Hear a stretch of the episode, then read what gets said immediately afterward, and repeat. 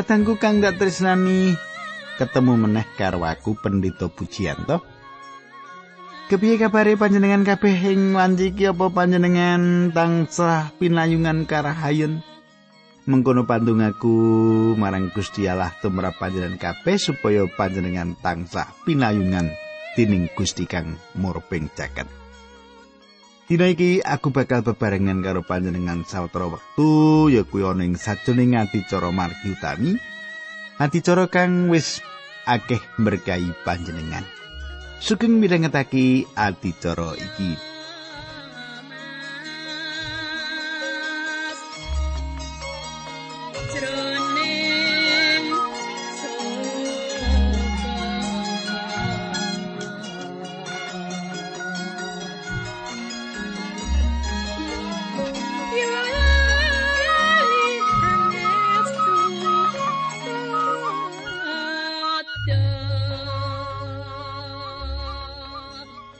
Pamirsa apa panjenengan isi kelingan sing ndak kepungkur kae?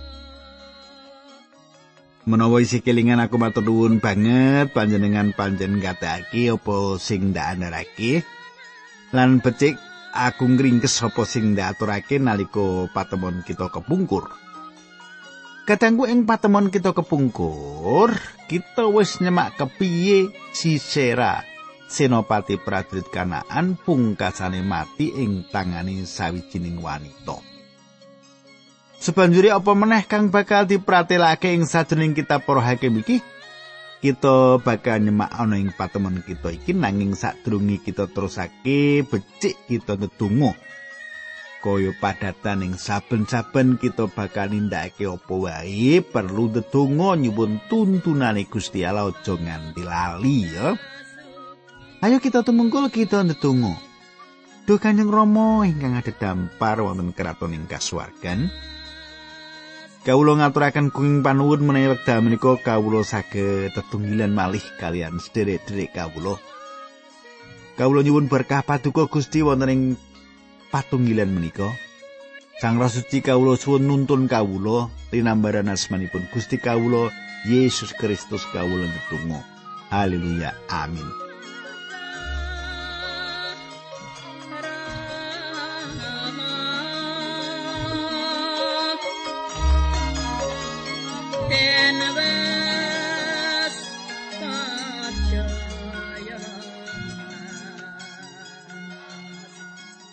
Pamirsa pasinaon kita wis ngancik ing kitab Para Hakim bab 5. Ing sajroning pasal papat kita para hakim, kita para hakim kita nyemak lelakon kang gegayutan karo Deborah. Cek kelingan to panjenengan?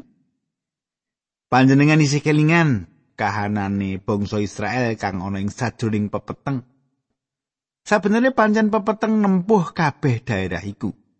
Lelakon kang ana sambung rapete Deborah, Barak lan Yael dumadi ing sisih lor Israel. Gusti Allah maring Israel sawijining kamardikan kang gedhe.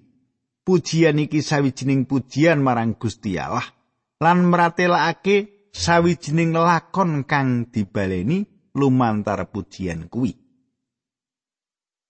Coba panjenengan gateke ayat siji loro telu papat limo tak wacake saka para hakim limo.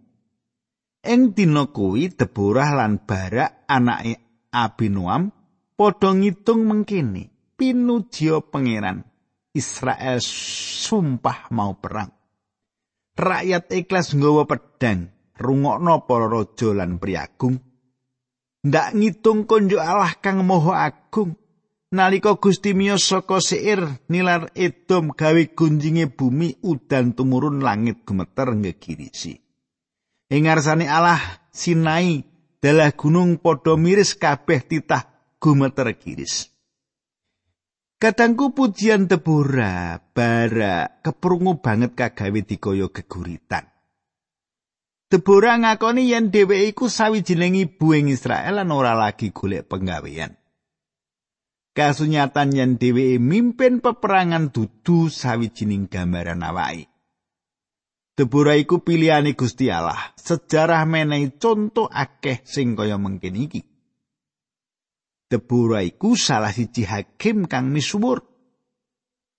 Dheweke kabisane luwih ngedapi-dapi ketimbang karo Utniel. Nanging kahanan kang mengkono kuwi dadi bukti sawijining kemunduran yen nganti ana wong wadon kang dadi pemimpin. Iku sawijining tondo saka karingkian lan jaman kang wiwit gonjang ganjing. Kita wis nyemak senopati kang ringkih yaiku Barak. Barak sawijining wong kang ora satriya. Dheweke kepengin ana ing mburen garis peperangan. Sabenere dheweke pengin ana ngomah lan ora susah perang. Debora kudu gelem lunga perang bebarengan karo dheweke dadi barah gelem lunga perang lan merangi mungsuhi. Kadangku sawetara taun kepungkur aku krungu carita Dr. Harry Inronside kang nyritakake bab wong wadon kang khotbah ing taman sawijining kutha. Nalika Dr. Harry Ironside mlaku-mlaku karo kancani, kancani mau kondo bener-bener ngisin-isinake wong wadon kang ngadeg lan khotbah kaya mengkono kuwi. Aku ngremehake lan ora nyetujoni. Wong wadon kuwi kudune ora nindakake kang kaya mengkono kuwi. Dr. Ironside mangsuli, aku sarujuk karo panjenengan yen perkara kuwi ngisin-isinake ora awit wong wadon khotbah. nanging awet ora ana wong lanang siji wae kang kudu ngenteni kalungguhan. Katangku. Apa wae kang bisa panjenengan pikirake lan aku ngerti bisa uga panemuku ketinggalan jaman. Apa maneh kanthi hak asasi wong wadon jaman saiki? Nanging manut aku bakal dumati sawijining kemunduran ana ing sajroning moralitas menawa wong wadon ninggalake omah. Lan kasunyatane lelakon iku dumati bakal tambah akeh wong wadon kang bedil kakungi. Ninggalake anak-anake dadi wong kang nggunakake narkoba mati nglalu. Ana akeh perkara kang dianggep dadi sawijining ancaman kanggo negara kita. Intansi tumindak Allah diperangi saka wong jaban rangkah. Nanging aku rumangsa yen bebaya kang paling gedhe yaiku awit wong wadon ninggalake kalungguhane ana ing omah. Kadangku Deborah sabenere ora kepengin ninggalake omahe. Nanging nalika wis wektune kamardikan diparingake, Barak kang dadi senopati prajurit Israel ora gelem perang. Sabenere Gusti Allah wis njanjakake kemenangan. Kamenangan pancen ditompo nanging sawijining kemenangan kang ngisin-isini kanggone Barak. Sawise peperangan kuwi Deborah lan Barak ngidungake kidungan kang dadi wiwitan kidung-kidunge umat manungsa. Ayat 6 lan 7 bab 5. Dek jamane Samgar bin Anat.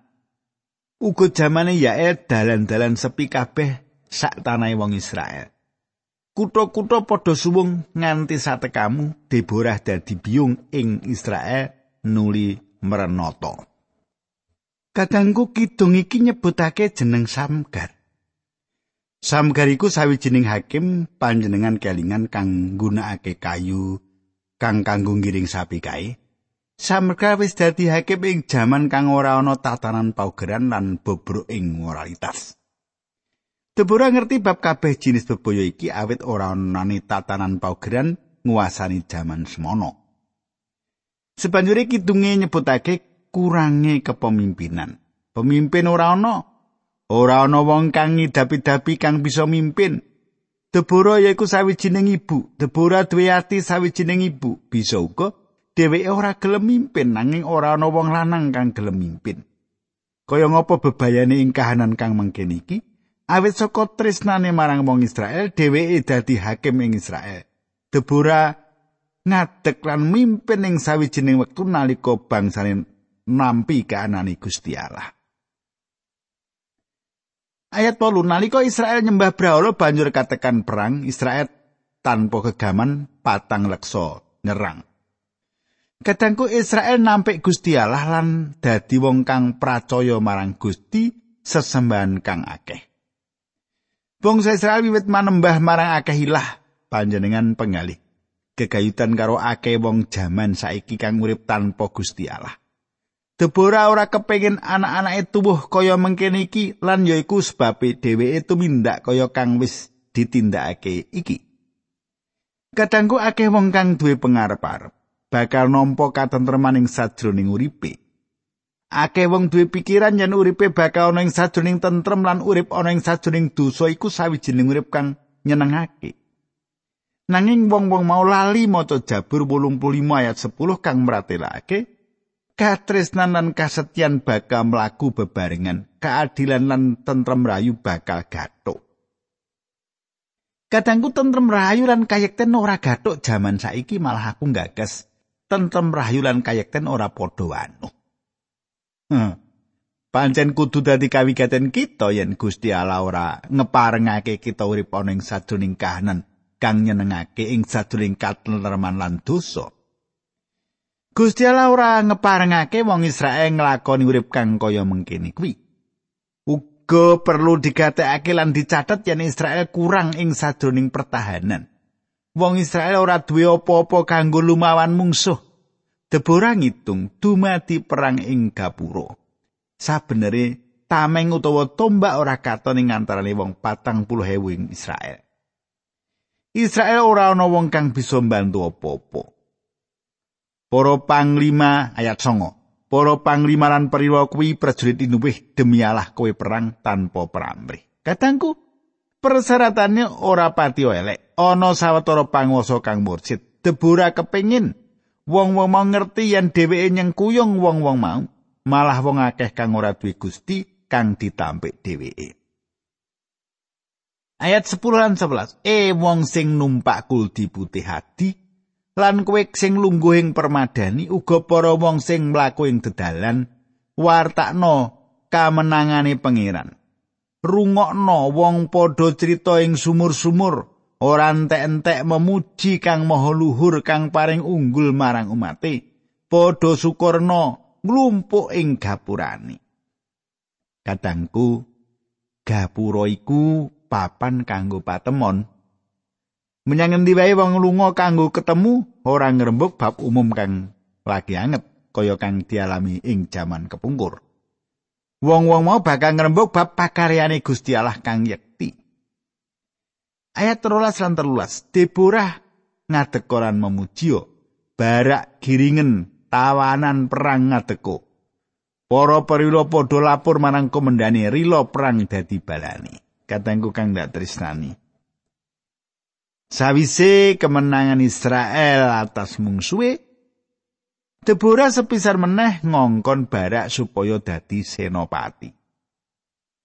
Nanging Barak ora gelem nampa kalungguhan kuwi lan Deborah kudu nerusake anggone dadi pimpinan. Deborah saiki bisa duwe kuwasa atas wong kang kuat. Saiki ayat 14, 15, 16. Mengkini surasani. Soko lebak Efraim podo mlaku kelawan mantep. Benyamin baris sing arep saka makir tekane para panglima saka Sibolon asale para perwira. Para panggede talar Esakar melu deborah. Yo Isakar lan Barak uga padha medun menyang nanging taler Ruben ora melu margo akeh sing padha gojag-gajeg. Yo kene tengok-tengok nunggu wedhus ngrungokake sulinge pangon ngundangi talere.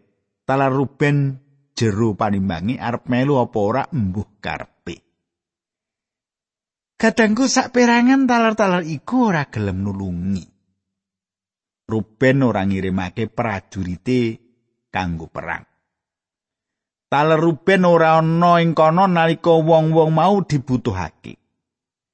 Wong-wong mau manggon tetanggan lan cerak nanging ora nindakake apa-apa. Wong-wong rumangsa yen sapa wae kudu njaga raja kayane dhewe lan cetha ora mercaya marang sapa wae supaya bisa njaga raja kayane. Wong-wong mau apatrap kaya-kaya ora ana peperangan. Wong-wong mau setuju mbiyantu nanging ora teka. Nanging ana taler liya kang mbiyantu Deborah lan Barak, ya kuwi taler Isakar. Ketengku tak teruske ayat pitulas teko wolulas. Jebolan lan Naptali kendel perangi nanging dan tetep ing praune lan gat ora mingset saka nggone aser lungguh ayam ing pinggir segara sungkan ninggal medan perang ing kono. Kadangku taler dan repot anggone dagang Rakyat taler iku ora gelem melu perang. Taler aser tetep manggon ana ing pesisir. Panjenengan ngerti sifat manungsa ora tau wah gingsir. Dikaya ing jamane Deborah. Akeh wong ing jaman saiki ngejarake negarane ambruk lan wong-wong mau kudune ora perlu nindakake perkara iku. Panjenengan iso semak to? Sakiwa tengen panjenengan. Yo apa pawarto-pawarto ning televisi kae yo wong-wong gedhe-gedhe. Pangkate dhuwur-dhuwur malah duit negara dikorupsi dicolongi kanggo awake dhewe. Ngono kira ora becik ya. Ngejarake iki negarane ambruk sebenarnya negarane ambruk anggere aku ora? Kadang kundang wis mudun kalungguhane baru diadili. Lho ngono kuwi? Anak putune apa ora isin ya to apa ora pekewo karo tangga teparane? Lah wong suke-suke suke sing nyolong wae kok ya lho alah main dendeng-dendeng wong sing nyolong ae kok. Alah jebulane kok ya mung kaya ngono to ya ya kaya kaya wae katengku ra isin to ya to isin karo tangga teparo to nek ngono kuwi to nah saiki Tak teruske ayat pitulas nganti wolulas. Mau disebutake jebolan lan naptali kendel perangi. Taler loro kuwi bener-bener gelem perang. Saiki ayat 19, ana ing tak anak cedhak kali Megido, padha siaga raja-raja kenaan kalah ora bisa ngrayah seloko. Kedangku Israel duwe sekuton kang sadurunge yaiku mungsuhe. Wong-wong mau nulungi ing cedhak kali Megido kang panggonane cerak karo papan perangi Amargedon besok. Ayat 20 lintang-lintang melu perang saka kono sisirea diserang. Kadangku, aku ora percaya iki mung sawijining pratela kang dilarake kanthi keguritan. Rasaku kono yen Gusti Allah lumawan mungsu iki kang disebut lintang-lintang melu perang kuwi ya kuwi Gusti Allah dhewe kang lumawan mungsuh-mungsuh Israel. Saiki ayat selikur nganti telulikur. Bab limo, hakim-hakim. Banjiri kali kison ngentirake mungsuh he nyawaku. Maju dikendel lan teguh. Gedruke tracak jaran bareng rikate playune gawe horek lemah sing kambah sikili. Mulai kate pangeran dawuh ipati-patono meros lan rakyate mergo ora perang kagem pangeran alai. Kadangku terus terang aku ora bisa kenal karo kota Meros. Nanging sak prakara kang aku ngerti lan mesti aku moh dadi penduduk kota Meros. Penduduk kota Meros iki ora gelem mbiyantu pakaryane Gusti. Mula penduduk iki kena laknat. Jaman saiki uga bisa nemokake wong akeh kang ora gelem mbiyantu pakaryane Gusti. Kepiye gereja panjenengan? Apa ana wargane pesamungan sing ora gelem cawe-cawe pakaryane Gusti? enenge mung maidun latu iya ta eh ses ora nonte nek dikon pelayanan moh ning nek kon maidu priga Muga-muga gereja jenengan ora ana wong sing kaya ngono kuwi. Nek kon pelayanan moh Jomene pelayanan wong ngaturake pisungsung eh sing ora ngerti karepe aku age ngaturake pisungsung nang gereja ana pisungsung sedakep e ora ngekei. Nek katengku tak terus ke ayat palikur. Bejo kowe Yael bojone Heber wong keni ing antarane sing manggon ing kemah kowe sing diberkahi. Katengku kang dadi pahlawan ing jaman kuwi yaiku wong wadon kang jenenge Yael lan dudu barak. Patrape barak kang jirih kamangka ing jaman semono jamane perang lan ana pengaruh perang. Ing sakiwa tengene ana tilas-tilas peperangan wong-wong kang tatu lan uga akibat-akibat peperangan. Jiwane manungsa dadi ala lan tatu. Segere paugeran ilang kaya lapisan humus kang nyelot tipis kanthi praupan nahan loro patrap ora aturan lan ora duwe tata krama ngatonake praupane apa kang ditindakake ya sabenere yaiku sawijining patrap kang gegirisi wong wadon tinetah luwih halus tinimbang wong lanang. Ana prakara kang ora endah kang wis ora katon ing wektu iki lan aku pikir perkara kuwi disebabake awit jati diri minangka wanita wis surem. Kadangku saiki atine sawijining ibu dikatonake.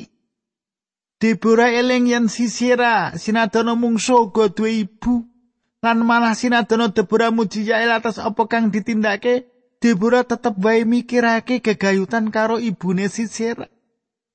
ayat 23 nganti 30 saka ing selane truji jenela ibune sisiramuni suwe temen tekani kereta lan jarani iki rewangi pinter mangsuli nadan wis ngerti ing sajroning ati nuwun sewu saged ugi nembe ngedum rayahan saben prajurit angsal perawan kangge sesera tentu ageman alus saking monco selendang sulam kagem ing jonggo kadangku Ibu sesera ngerti ing atine apa kang wis dumadi.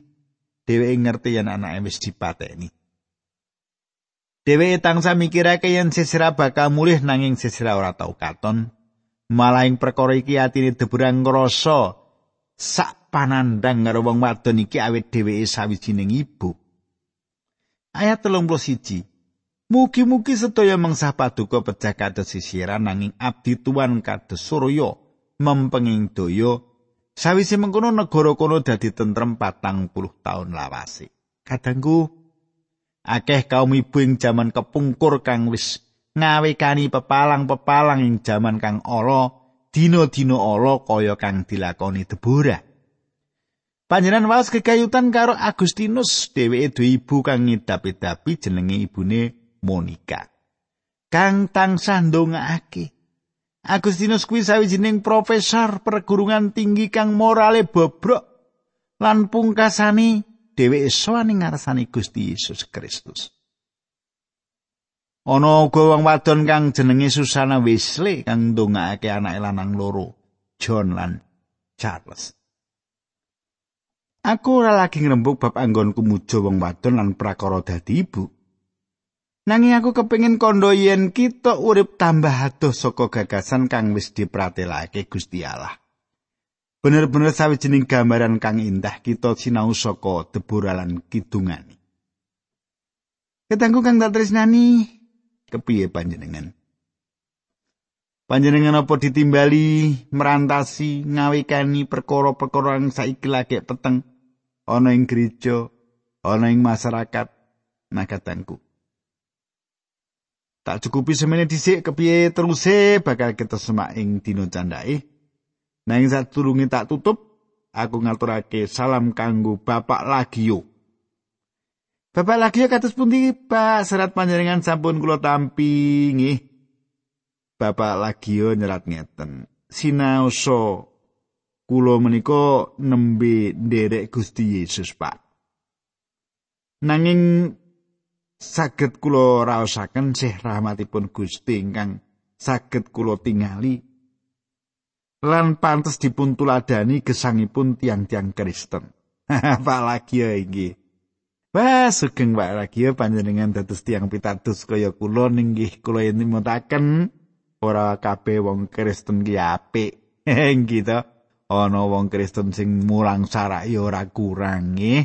dados sampun sinau kalian tiang Kristen nggih nang sinau langsung dumateng Gusti Yesus awit landesan gesang sedaya tiang Kristen menika inggih menika Gusti Yesus Kristus ora saniru wong Kristen gitu ketoke apik engko gek ning jerone ora apik gitu ning yo ana wong Kristen sing apik yo akeh nggih nek ketangku monggo kita tunggu kita ndedonga Kanjeng Rama ing swarga kawula ngaturaken kuing panuwun.